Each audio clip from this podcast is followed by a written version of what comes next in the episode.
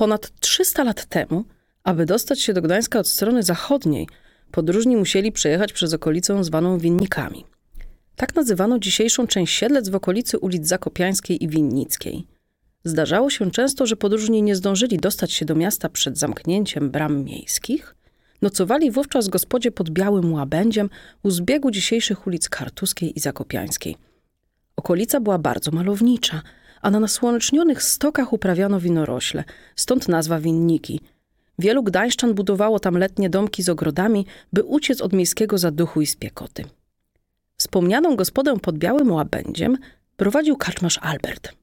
Był on znany i lubiany w mieście, a jego wino było najlepsze w całym Gdańsku. Żadna gospoda, nawet te przy starych Szkotach, nie mogła pochwalić się lepszym trunkiem. Minęła połowa października, zbliżała się zima. Kończące się winobranie było w tym roku wyjątkowo udane. Kaczmarz Albert ze spokojem patrzył na pełne półki w piwnicy. Oznaczały one dobry zarobek w zimowych miesiącach, gdy zziębnięci podróżni będą chcieli rozgrzać się dobrym trunkiem. Tego wieczoru wyjątkowo nie było w gospodzie gości. Było już dość późno, gdy w pewnym momencie Albert usłyszał dudnienie do drzwi. W drzwiach, pośród strug ulewnego deszczu, stał mężczyzna w wytwornym stroju i drżącym głosem zapytał, czy może wejść. Natychmiast poprosił o coś ciepłego do picia i usiadł przy kominku. Był to kupiec, który chciał dokonać w mieście zakupu dużej ilości bursztynu. Podróżował wiele dni, lecz tuż przed Gdańskiem pomylił drogę, a na domiar złego zerwała się burza i błąkał się w ciemnościach wiele godzin. Obawiał się także rabunku, gdyż słyszał o bandzie rzezimieszków napadających na podróżnych w okolicach Kartus. Gdyby tak się stało, mógł stracić nie tylko pokaźną sumę pieniędzy, które miał w sakiewce, ale i życie. Zadowolony, że dotarł do miasta, zaproponował karczmarzowi bacherek wina na swój koszt i od razu zapłacił złotą monetą. Wielu podróżnych przewinęło się przez gospodę Alberta, ale rzadko kto płacił złotymi monetami. Rozmowa toczyła się wartko, kupiec opowiadał wieści, które posłyszał na szlaku handlowym. Wkrótce kaczmarz przestał liczyć, ile bacherków wypili, szczególnie, że stosik złotych monet na stole się powiększał. Kupiec był wyraźnie w dobrym nastroju, a i poprosił o coś do jedzenia, bo zgłodniał. Albert poszedł do kuchni, aby odgrzać potrawkę z zająca – gdy odkrajał porcję, spojrzał na błyszczący nóż i się zawahał. Dziwna myśl przyszła mu do głowy. Jeśli kupiec z taką lekkością płaci złotymi monetami za wino, to ile musi ich jeszcze mieć w sakwie? Przecież sam wspominał o planowanym zakupie dużej ilości bursztynu.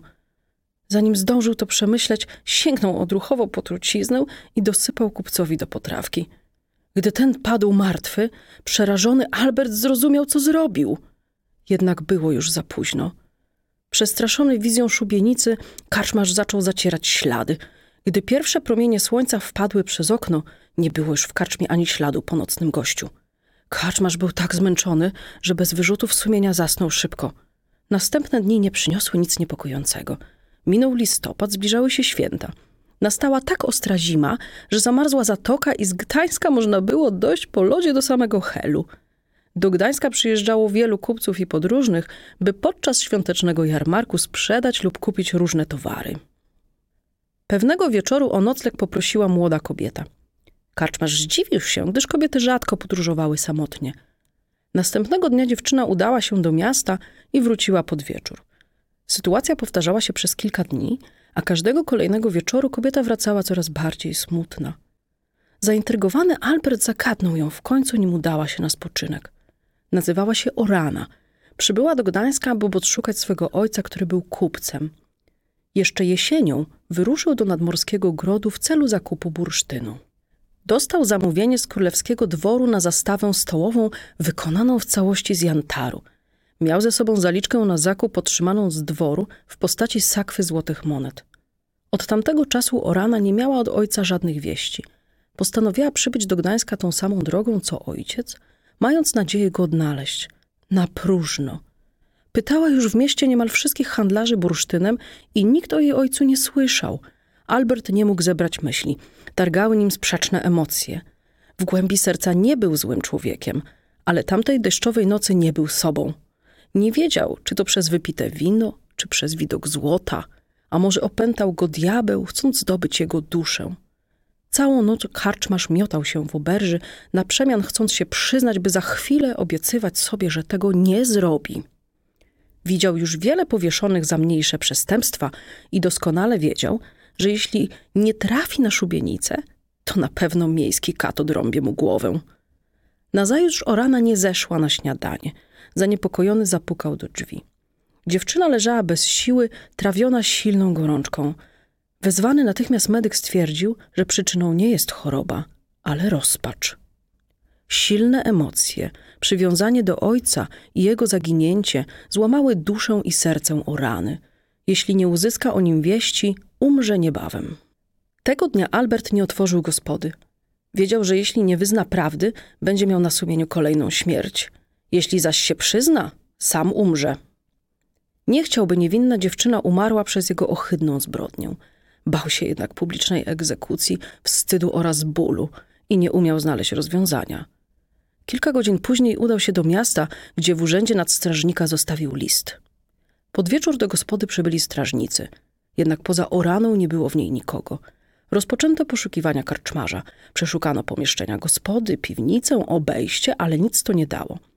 Postanowiono przeszukać okolicę, ale ze względu na zapadający zmrok odłożono to do rana. O świcie jeden ze strażników zaalarmował pozostałych. Na zalesionym wzniesieniu na północ od gospody znalazł ciało Alberta. Karczmarz powiesił się na jednym z drzew. Silny mróz zachował rysy twarzy, wykrzywionej w grymasie bólu. Oczy były otwarte i zastygłe w przerażeniu. W liście zostawionym poprzedniego dnia przyznawał się do zabójstwa ojca Orany, opisał wszystkie szczegóły, a także wskazał miejsce ukrycia złotych monet. W aktach sądowych zanotowano, że Orano wróciła do zdrowia pod opieką jednego z miejskich patrycjuszy – Opuszczona gospoda popadała stopniowo w ruinę, gdyż nikt nie chciał przejąć oberży, w której popełniono taką krutną zbrodnię. Na szczycie winnej góry, gdzie znaleziono ciało karczmarza, jest dziś punkt widokowy. Ktokolwiek tam trafi, niechaj spojrzy na panoramę miasta i spróbuje poszukać miejsca, gdzie niegdyś stała gospoda pod białym łabędziem.